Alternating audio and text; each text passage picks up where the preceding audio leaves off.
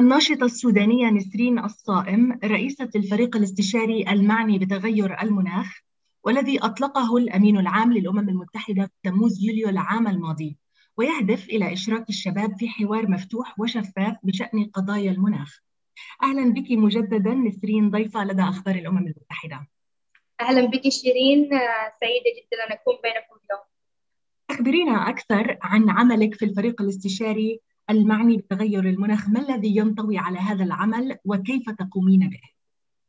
الفريق المعني بتغير المناخ أو فريق الشباب المعني بتغير المناخ أنا الآن رئيسته في هذه الفترة وعملي كرئيسة ينطوي على التنسيق بين أعضاء الفريق وبين أيضا الفريق الاستشاري الخاص بالأمين العام الفريق رفيع المستوى الاستشاري الخاص بالأمين العام وأيضا الفريق العامل مع الأمين الأمين العام في مكتبه والمتعلق بتغير المناخ وأيضا فريق مبعوث للشباب للأمم المتحدة أو مبعوث للأمين العام للأمم المتحدة للشباب وجاياتما وأيضا بقية الشباب حول أنحاء العالم. المهمة الأساسية للفريق هي ردم القوة وجبر الثغرات بين الشباب في أنحاء العالم وأيضا بين الأمين العام للأمم المتحدة و مؤسسات اليو ان المختلفة الأمم المتحدة المختلفة وتحديدا العاملة في تغير المناخ والتي لها علاقة بملف تغير المناخ. اسمحي لي أن أسألك ماذا تعملين وكيف يعني يرتبط ذلك بشغفك للمناخ؟ شغفي بتغير المناخ لا تحده تخصص أكاديمي أنا خلفيتي فيزياء درست علوم وأيضا لا يحده ظروف صحية أو أسرية التي أمر بها الآن. فدائما كلما وجدت زمن يسمح لي بأن أشارك شيء لديه علاقة بتغير المناخ يكون لتغير المناخ يعني مكان خاص في يومي في جدولي اليومي. وذلك لأني أيضا أعلم تماما أهمية الموضوع ومصيريته بالنسبة لنا نحن كشباب وبالنسبة للأجيال القادمة أيضا. ك ك كإنسانة لها في العلوم أعلم تماما الأسباب العلمية وأثق أيضا في كل ما أصدرته المؤسسة الحكومية لتغير المناخ أو ال IPCC Intergovernmental Panel on Climate Change. وأيضا ك كأنثى وكإنسانة تطمح أن تكون أم يوما من الأيام. يمثل تغير المناخ حاجز لي لأنني لا أعلم هل سيكون هناك مستقبل لهؤلاء الأبناء الذين أريد أن أجيبهم أم لا. وأيضا كسودانية أعلم تماما كيف يمكن أن تكون الدول هشة لتغير المناخ كيف يمكن تغير المناخ يغير حياة الدول سواء كان يجعلها فقيرة أكثر أو يدمر البنية التحتية فيها أو يشعل الصراعات داخل الدولة وغيرها. ولذلك يعني العمل من أجل المناخ بالنسبة لي ليس خيار بل هو إلزام يعني إلزام أخلاقي وإلزام يعني التزام نحو الأجيال القادمة ونحو الأجيال الحالية أيضا. نعم نسرين بعد عدة أشهر من تشكيل هذا الفريق ما هي ما الذي تعلمت؟ ما الذي اكتسبته؟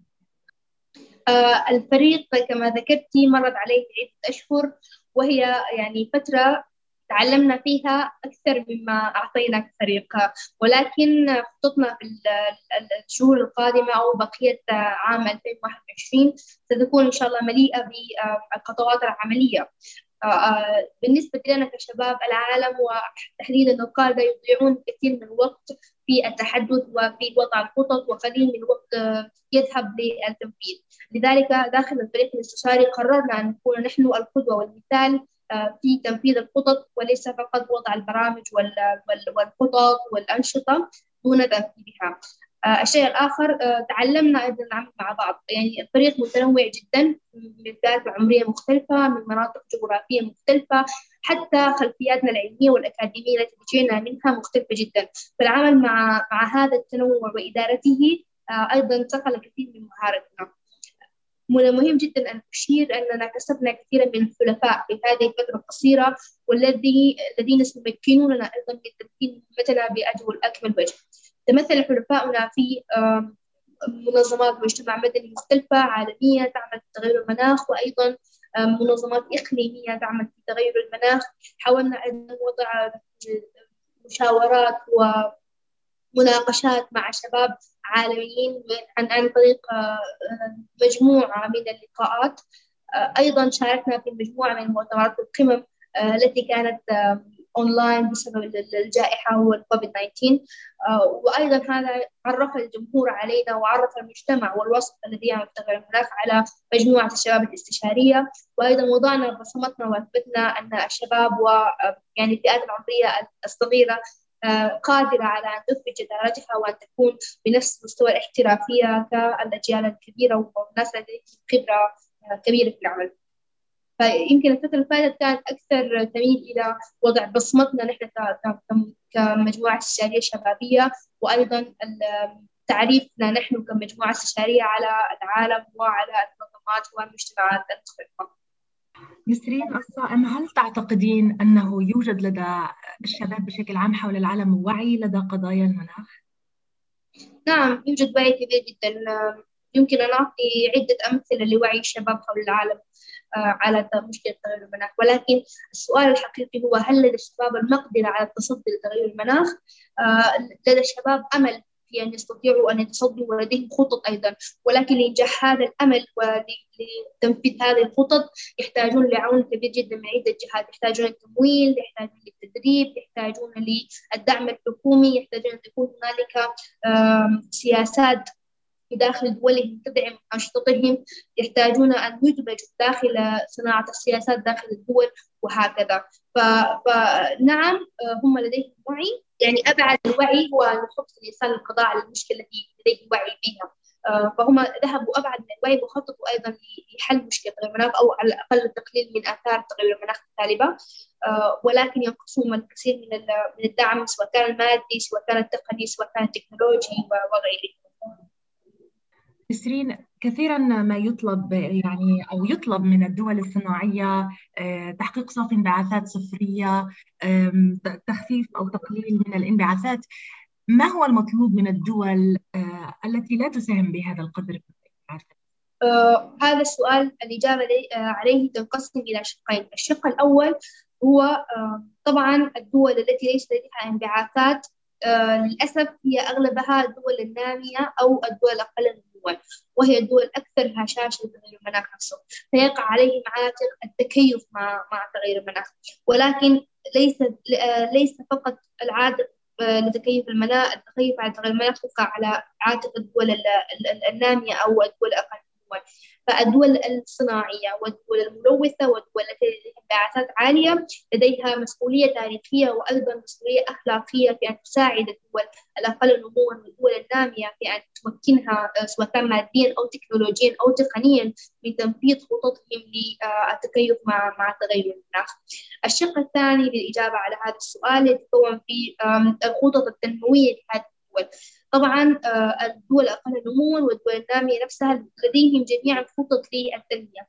وكثير من الدول النامية والدول الأقل نموا أصبحت تكتشف أن لديها ثروات أو لديها مخزون احتياطي من الوقود الأحفوري سواء كان غاز طبيعي سواء كان بترول أو غيره فماذا سوف يفعلون؟ هل سوف يستمرون في التنقيب عن الوقود الأحفوري وبالتالي مزيد من الانبعاثات أم سوف ينتقلون للطاقة النظيفة ويتركون مخزونهم الاحتياطي من الوقود الأحفوري داخل الأرض؟